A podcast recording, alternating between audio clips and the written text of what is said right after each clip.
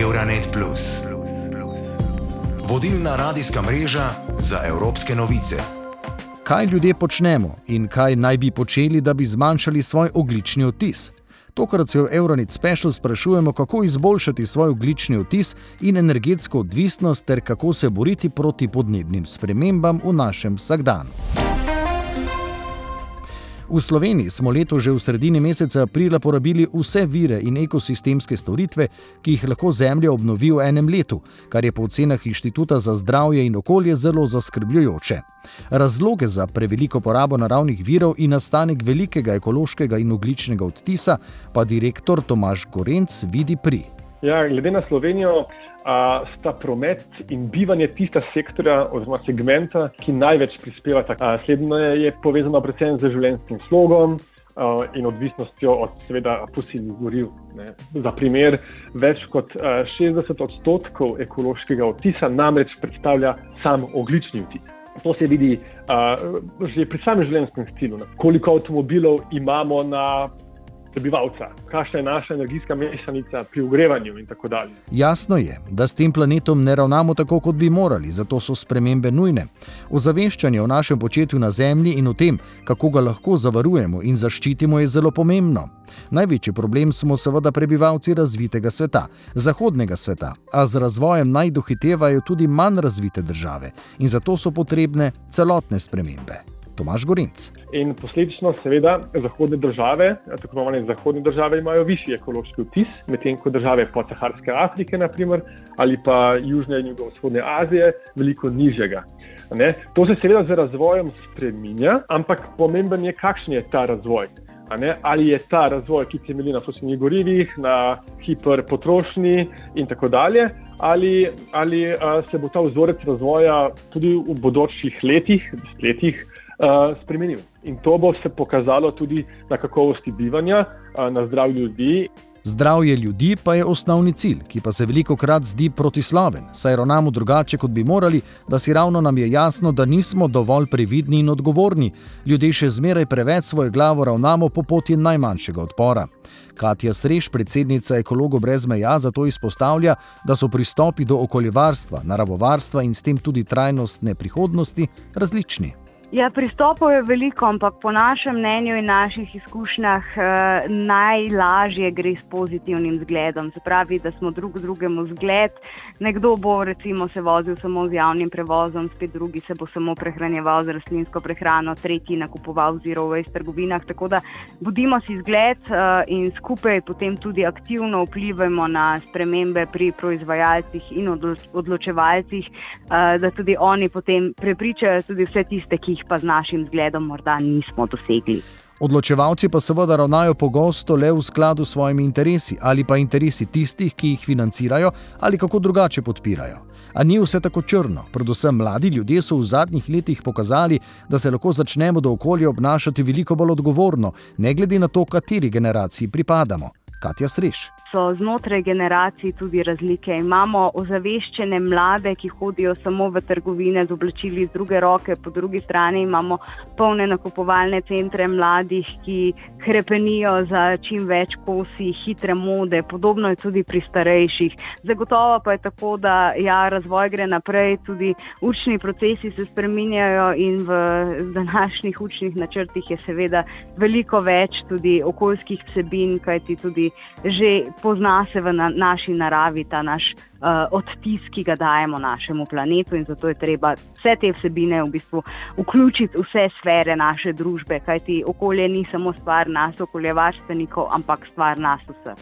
In mi vsi smo torej tisti, ki lahko le sodelovanjem in upoštevanjem dogovorov poskrbimo za skupno prihodnost in se naučimo varčnejše ravnati z dobrinami. Za zmanjševanje ogličnega odtisa in ohranjanje narave pa je pomembno tudi, kot izpostavlja predsednica Ekologov brez meja Katja Sreš, Trenutno smo lahko še zelo veseli, kajti imamo možnost izbire, uh, izbire majhnih korakov, ki lahko uh, v skupni masi vseh nas, ki se aktiviramo, dosežejo velike učinke. Uh, je pa zanimivo, da je v nedavni študiji so zbrali šest najbolj učinkovitih ukrepov, s katerimi bi lahko celotno človeštvo svoj oglični odtis zmanjšalo za kar četrtino. In med njimi so seveda tudi takšni, s katerimi se ekologi brez meja malce bolj podrobno ukvarjajo ustvarjamo, to so seveda pametna potrošnja in odpadki. Na prvem mestu je naprimer pretežno rastlinska prehrana z zdravimi porcijami in čim manj zavržene hrane, na kar seveda tudi opozarjamo v našem društvu. Zanimivo je tudi na svet, da naj ne bi kupovali več kot treh novih kosov oblačil na leto. Um, sicer je tako, da imamo seveda ogromno izbire še med rabljenimi oblačili, lahko si jih izposodimo, kupimo iz druge roke. Zanimivo je tudi napotek, da naj bi imeli elektronske naprave za vsaj sedem let, se pravi, da jih ne menjamo preveč pogosto.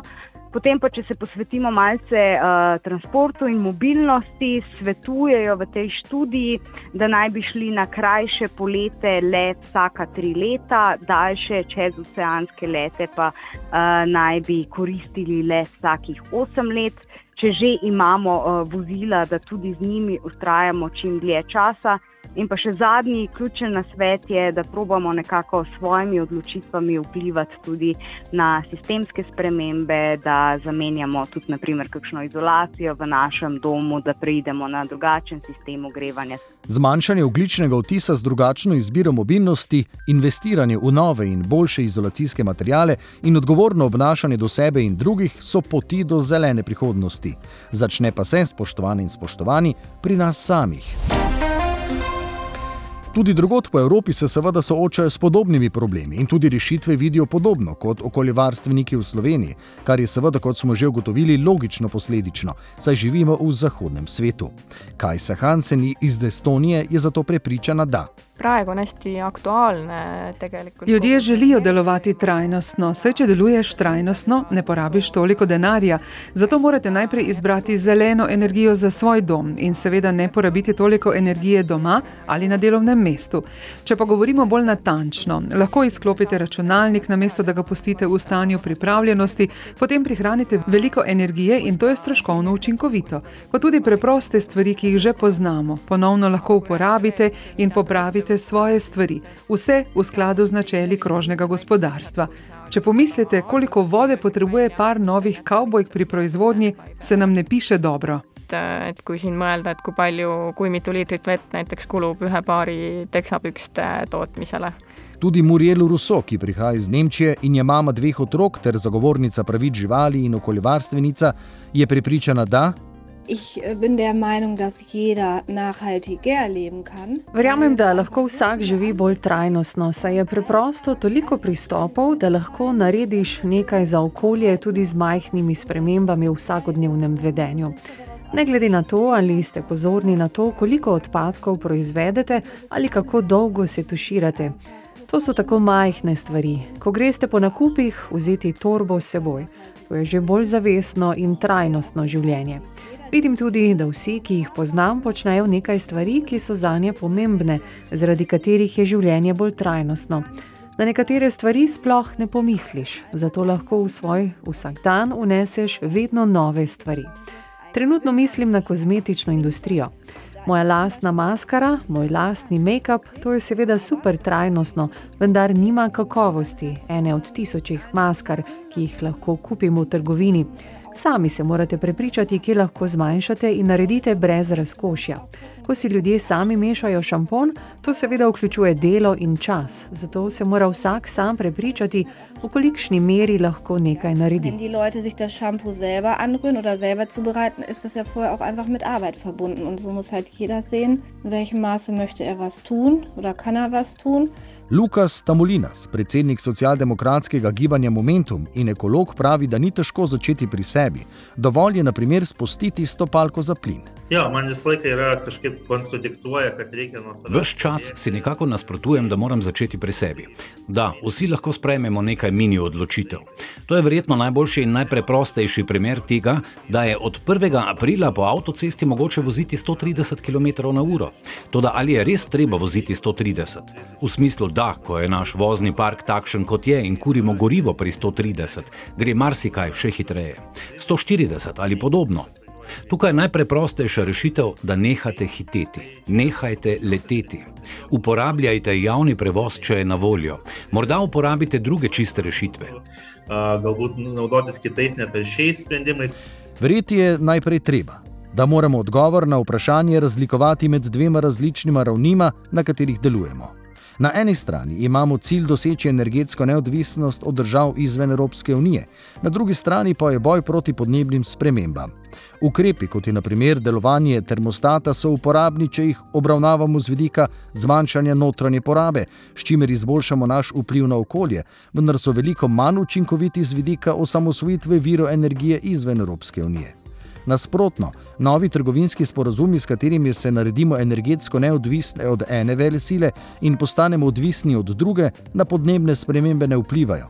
Zato je potrebno preklopiti v načinu razmišljanja, ustrajno iskati nove alternative in pristope v energetski neodvisnosti in zmanjševanju ogličnega odtisa. Tokratni Euronet Special Green Deal prispevek sem pripravil Borut Kampuš. Euronet Plus za boljše razumevanje Evrope.